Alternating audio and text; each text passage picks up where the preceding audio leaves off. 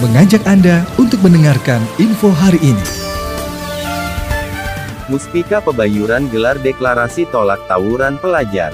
Pebayuran, Muspika Kecamatan Pebayuran menggelar deklarasi serentak tolak tawuran pelajar dan anti geng motor serta anti narkoba yang diikuti perwakilan siswa-siswi SLTP dan SLTA sekecamatan Pebayuran, bertempat di lapangan SMAN 1 Pebayuran, pada Selasa, tanggal 5 April tahun 2021.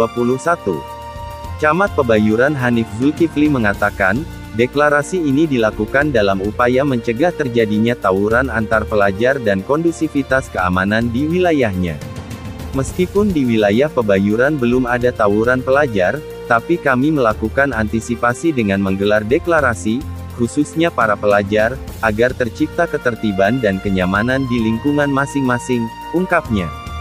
Hanif menyebutkan, deklarasi tolak tawuran ini dilakukan bersama unsur Polsek Pebayuran dan Koramil 11 Pebayuran dan perwakilan sekolah di wilayahnya. Kita keliling juga untuk melakukan pengamanan khususnya di bulan Ramadan ini, agar tidak terjadi tawuran antar kelompok remaja, terangnya. Sementara itu, Kapolsek Pebayuran, AKP. Usep Aramsyah menegaskan, para pelajar perlu diberikan edukasi agar terhindar dari kriminalitas yang marak terjadi seperti tawuran, geng motor, dan narkoba. Anak-anak SMP dan SMA, kita imbau dan kita ajak untuk menghindari kegiatan negatif seperti tawuran, geng motor, balap liar, termasuk narkoba, apalagi di bulan suci Ramadan ini, ungkapnya.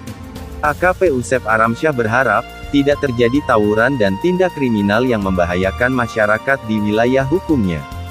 Alhamdulillah untuk kasus tawuran di Pebayuran ini belum ada, ujarnya.